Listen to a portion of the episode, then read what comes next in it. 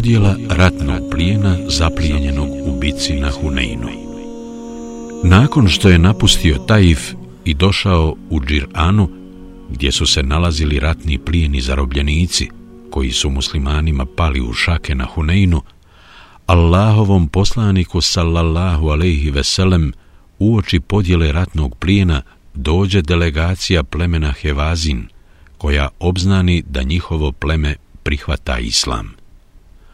Tom prilikom od poslanika sallallahu alaihi veselem tražiše da im vrati žene, djecu i metke koje su muslimani zarobili.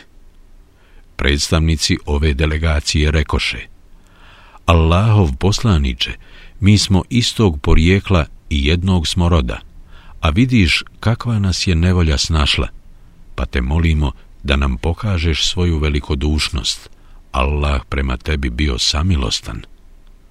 Tada ustade jedan od njih, Zuheir, poznat po nadimku Ebu Sured, koji je bio njihov glasnogovornik, te reče Allahov poslaniče, evo nas, nalazimo se u torovima, a mi smo tvoje amidže, tvoje dajđe i tvoja rodbina po mlijeku, koja se o tebi brinula. Zarobljenici iz plemena Hevazin i oni koji su se u bici na Huneinu borili na njihovoj strani, nalazili su se u ograđenim hangarima koji su ličili na torove deva i ovaca, pa je zbog toga Zuheir i kazao Allahov poslaniče, evo nas, nalazimo se u torovima. Da smo kojim slučajem rodbina po mlijeku Harisa bin Ebu Šimra ili Numana bin Munzira, pa da nas je zadesilo ovo što nas je zadesilo, mi bismo od njih očekivali milost i velikodušnost i nadali bismo se da će nam vratiti ono što su uzeli. A ti si bolji od njih obojice, kao i od svih drugih. Zuheir je bio porijeklom iz klana Benu Sa'd bin Bekr, u kojem je još kao mali dječak radi dojenja boravio Muhammed sallallahu alaihi veselem. Klan Benu Sa'd, u kojem je poslanik sallallahu alaihi veselem proveo svoje rano djetinstvo, iz kojeg je bila Halima, njegova majka po mlijeku, u stvari je ogranak plemena Hevazin. Haris bin Ebu Šimr i Numan bin Munzir bila su dvojica tadašnjih vladara. Prvi je bio vladar u Šamu, a drugi u Hiri. Tada je Zuheir u stihovima kazao Allahov poslaniče, velikodušnim se dokaži, plemenit čovjek ti si, pa nam plemenitost pokaži. Smiluj se ženama koje je sudbina pritisla, jadne su i nesretne, budućnost im je varljiva. Poslije ovih riječi poslanik sallallahu alejhi ve sellem ponudi im da biraju između svog imetka i svojih porodica. To jest, ponudio im je dvije opcije. Ili da nazad uzmu svoje žene i djecu, a da imetak ostane kao ratni plijen muslimana. Ili da uzmu svoje imetke, a da njihove porodice ostanu u zarobljeništvu. Oni izabraše svoje porodice, a poslanik sallallahu alejhi ve sellem tada reče: Što se tiče onoga što kao ratni plijen pripada meni i porodici Abdul Muttalibovoj, mi se toga odričemo i to pripada vama, a zatim nastavi. Nakon što obavim podne namaz, vi ustanite i recite Mi tražimo da se Allahov poslanik za nas zauzme kod muslimana i tražimo da se muslimani za nas zauzmu kod Allahovog poslanika – te da nam naše žene i naša djeca budu vraćeni, pa ćemo vam mi to i vratiti, a onda ću ja pitati da vam se vrati i sve ostalo. Nakon što je poslanik sallallahu alaihi veselem predvodio klanjanje podne namaza, hevazinci učiniše onako kako im je on savjetovao da učine. A kada su završili, Muhammed sallallahu alaihi ve sellem reče ono što od ratnog plijena pripada meni i porodici Abdul Mutaliba, mi se toga odričemo i to vam vraćamo. Tada i muhađiri i ensarije povikaše. Ono što od ratnog plijena pripada nama, mi poklanjamo Allahovom poslaniku. Potom riječ uze Akrea bin Habis i reče Ono što pripada meni i klanu Benu Temim, mi ne damo nikome, već to zadržavamo. Ujejna bin Hisn također reče Ono što pripada meni i klanu Benu Fezara, mi ne damo nikome, već to zadržavamo.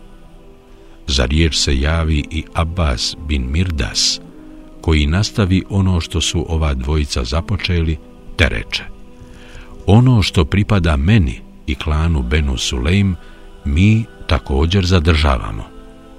Ali se tada javiše pripadnici ovog klana, ono što pripada nama, mi to dajemo Allahovom poslaniku. Čuvši šta su rekli, Abbas povika, nadjačali ste me i one sposobili. Kada su prisutni završili i kazali ono što su htjeli reći, Allahov poslanik sallallahu alejhi ve sellem obrati im se. Oni koji žele zadržati svoj udio u ratnim zarobljenicima, neka ih oslobode, a ja im za uzvrat obećavam da će za svakog oslobođenog čovjeka dobiti po šest deva i to od prvog ratnog plijena koji zaplijenimo. Zbog toga vratite ovim ljudima njihove žene i djecu. Ahmed Musned 2 kroz 218 broj 7037 sa dobrim lancem prenosilaca.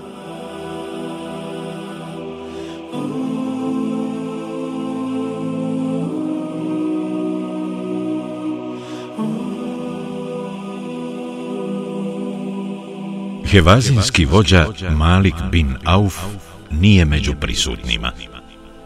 Allahov poslanik sallallahu alejhi ve sellem upita gdje je Malik bin Auf, inicijator ovog za pleme Hevazin propalog i neuspjelog rata, pa mu rekoše da se on trenutno nalazi u Taifu.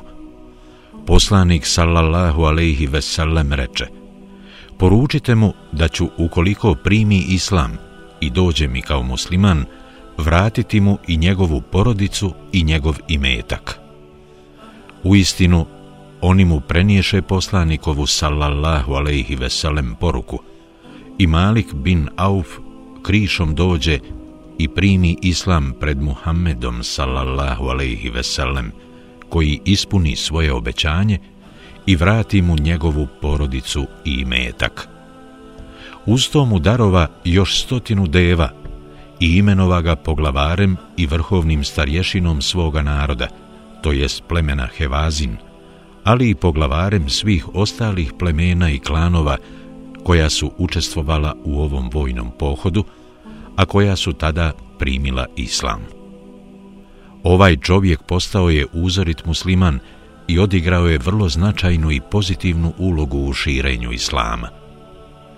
Neprestano je iz zasjeda napadao mušrike koji su živjeli u okolini, te im toliko život učinio nepodnošljivim da su postepeno jedni za drugima redom primali islam. Hvaleći Muhammeda sallallahu alaihi veselem, Malik je u stihovima kazao Niti vidjeh, nit sam čuo za takvog čovjeka.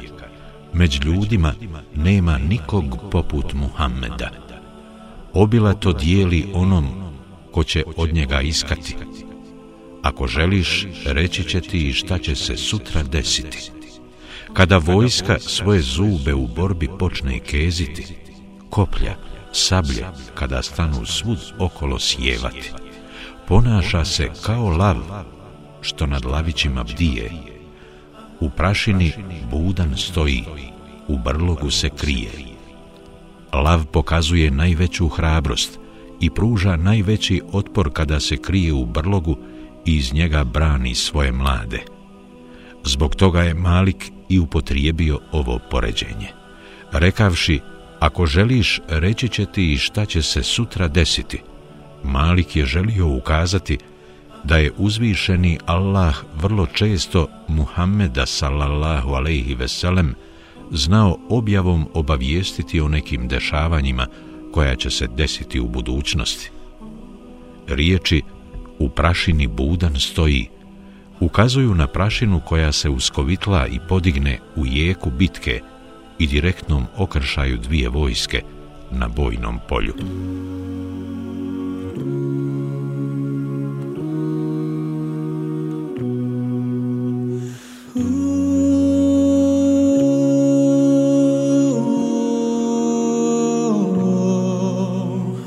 Plemeniti poslanik obraća se prisutnima. Kada je Muhammed sallallahu alejhi ve sellem pripadnicima plemena Hevazin vratio njihove žene i djecu koji su bili pali u ropstvo, uzjahao je svoju devu i krenuo. Međutim, okupljeno mnoštvo ljudi ga je pratilo u stopu, govoreći mu Allahov poslaniče, podijeli nam ratni plijen.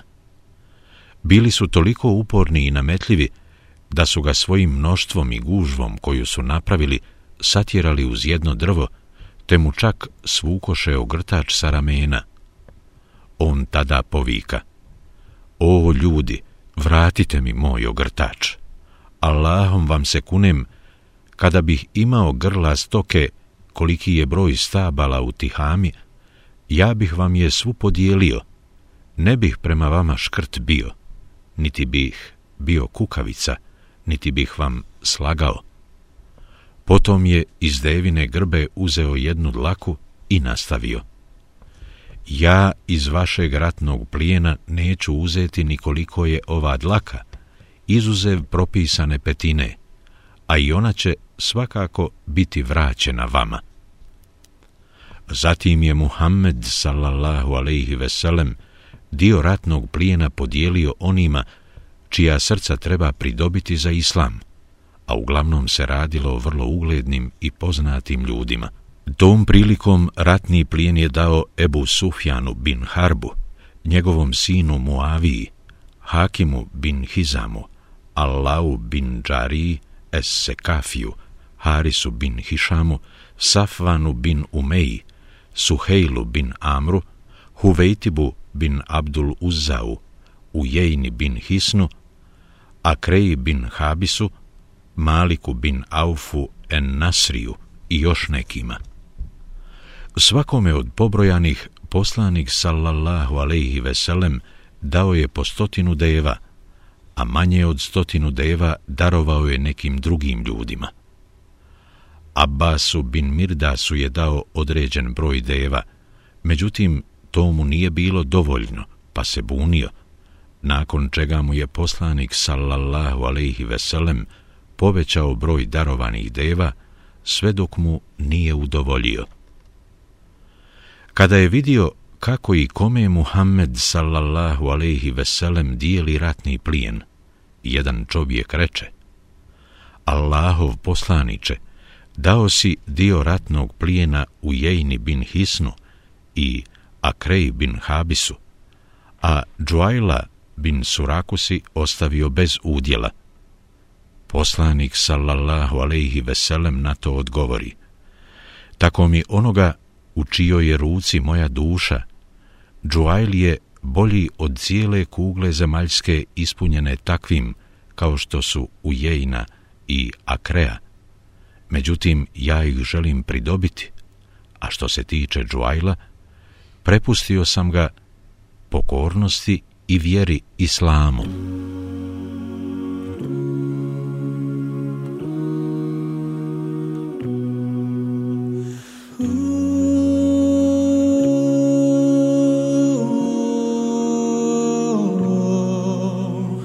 Ensarije osjećaju gorčinu.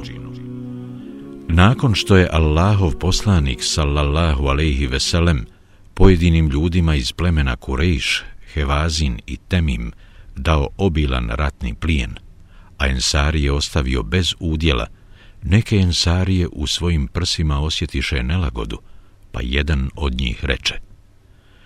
Vjerovjesnik se priklonio svom narodu, Sad bin Ubada, radijallahu anhu, prenese ove riječi Muhammedu sallallahu alaihi veselem, koji ga zatim upita. A kako ti gledaš na sve to? Sad mu odgovori, ja ne pripadam nikamo osim svome narodu. Ovim je htio kazati da dijeli mišljenje svojih sunarodnjaka i da i on želi čuti pojašnjenja takvog poslanikovog sallallahu alaihi veselem postupka. Tada mu poslanik sallallahu alaihi veselem naredi da okupi sve ensarije, a kada ih je ovaj okupio, poslanik sallallahu alaihi veselem obrati im se. Kakva je to priča i kakva su to govorkanja koja su doprla do mene? Zar niste, kada sam vam došao, bili u zabludi, pa vas je Allah na pravi put uputio? Zar niste bili siromašni, pa vas je Allah preko mene obogatio? Zar niste jedni drugima bili neprijatelji, pa je Allah u vaša srca opet preko mene ljubav i slogu unio? Svakako, o Allahov poslaniče, Allahu i njegovom poslaniku hvala na tim blagodatima, povikaše oni. A zar mi nećete uzvratiti, upita ih Muhammed sallallahu alaihi veselem.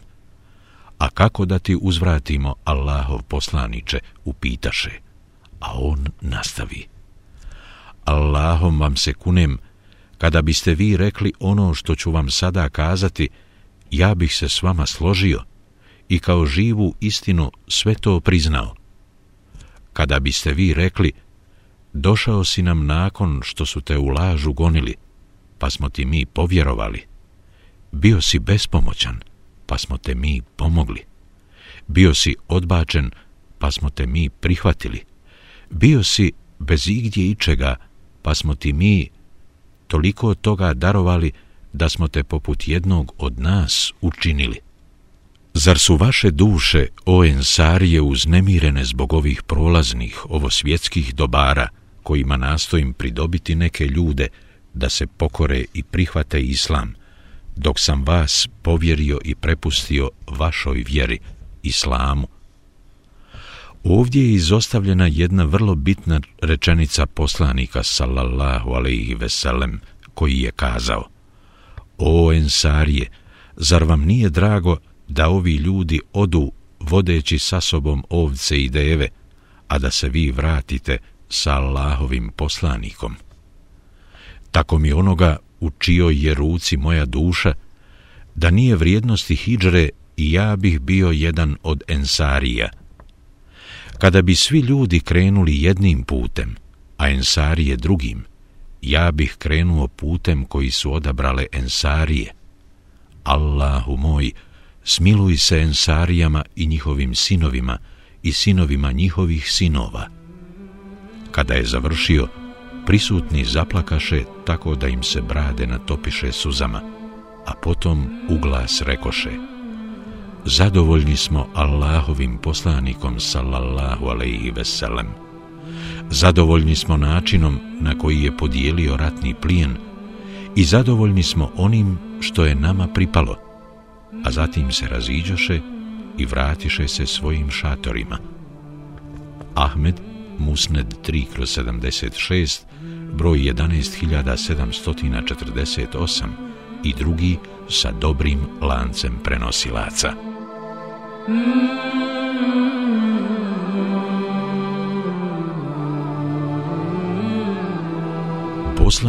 obavlja umru. Nastupio je mjesec Zulkade. Poslanik sallallahu alejhi ve sellem i muslimani obukli su ih rame u džirani i započeli obrede umre. Prije nego što će krenuti, Muhammed sallallahu alejhi ve sellem naredi da se ostatak ratnog plina zadrži i čuva u mjestu Medženna, koje se nalazi u blizini doline Merru Zahran.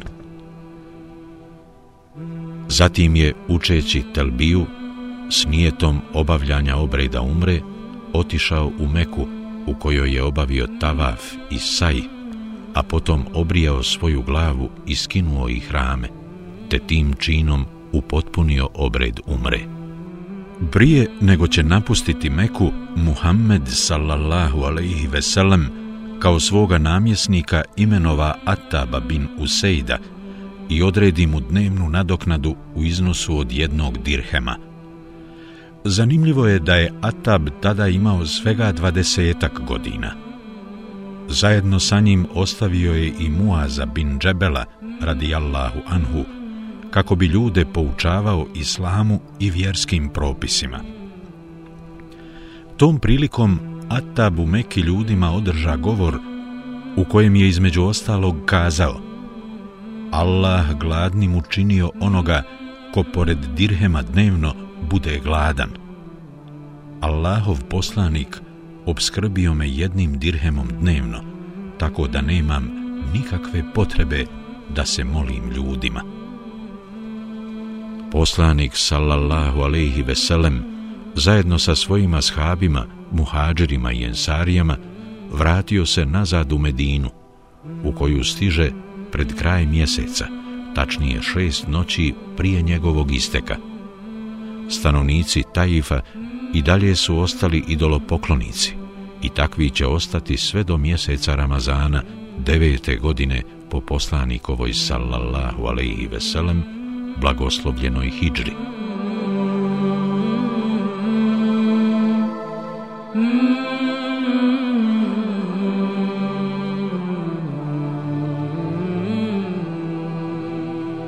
Zaključci, pouke i poruke.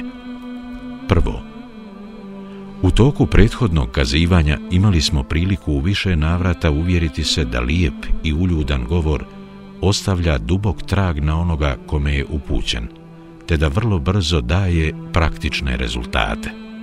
Ovo je opće pravilo koje se vrlo rijetko pokaže pogrešnim.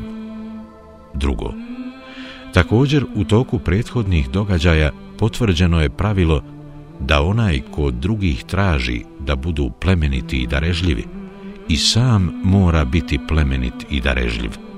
Ako bude tako postupao, ljudi će ga poslušati i odazvati se njegovom zahtjevu. Treće, imali smo priliku uvjeriti se koliko su neki Arapi bili grubi i neodgojeni, a sve zbog toga što su odrasli daleko od civilizovanog svijeta. Četvrto, po ko zna koji put i to u više navrata svjedočili smo poslanikovom sallallahu alejhi ve sellem uzvišenom moralu njegovoj izuzetnoj blagosti i lijepom ponašanju. U svemu navedenom on je bio neprikosnoven i nedostižan uzor i primjer koji treba slijediti. Obraćajući se svome poslaniku uzvišeni Allah kaže Ti si u istinu najljepše čudi.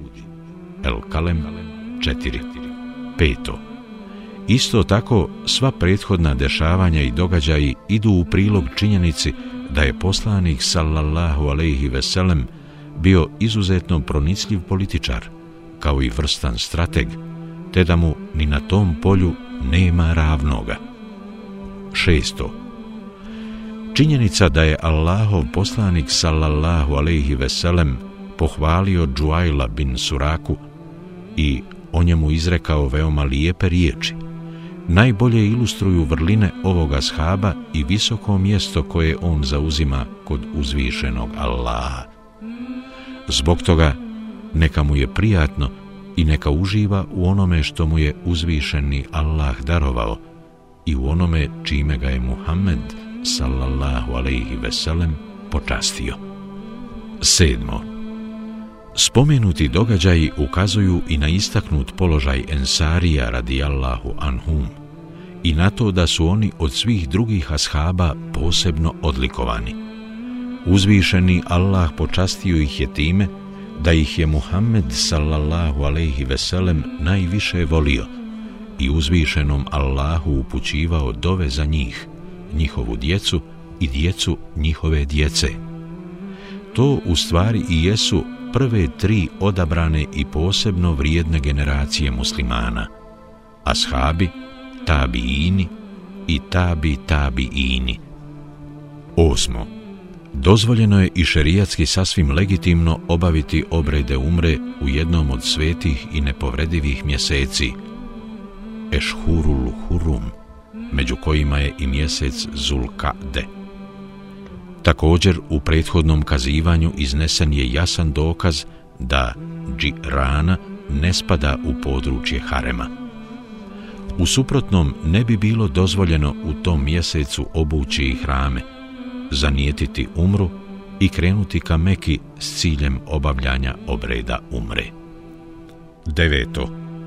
Dozvoljeno je i šerijatski ispravno radniku u državnoj službi odrediti nadnicu za posao koji obavlja, jer je poslanik sallallahu alaihi veselem svome namjesniku u Meki, Atabu bin Useidu, odredio dnevnu nadoknadu u visini od jednog dirhema. Deseto.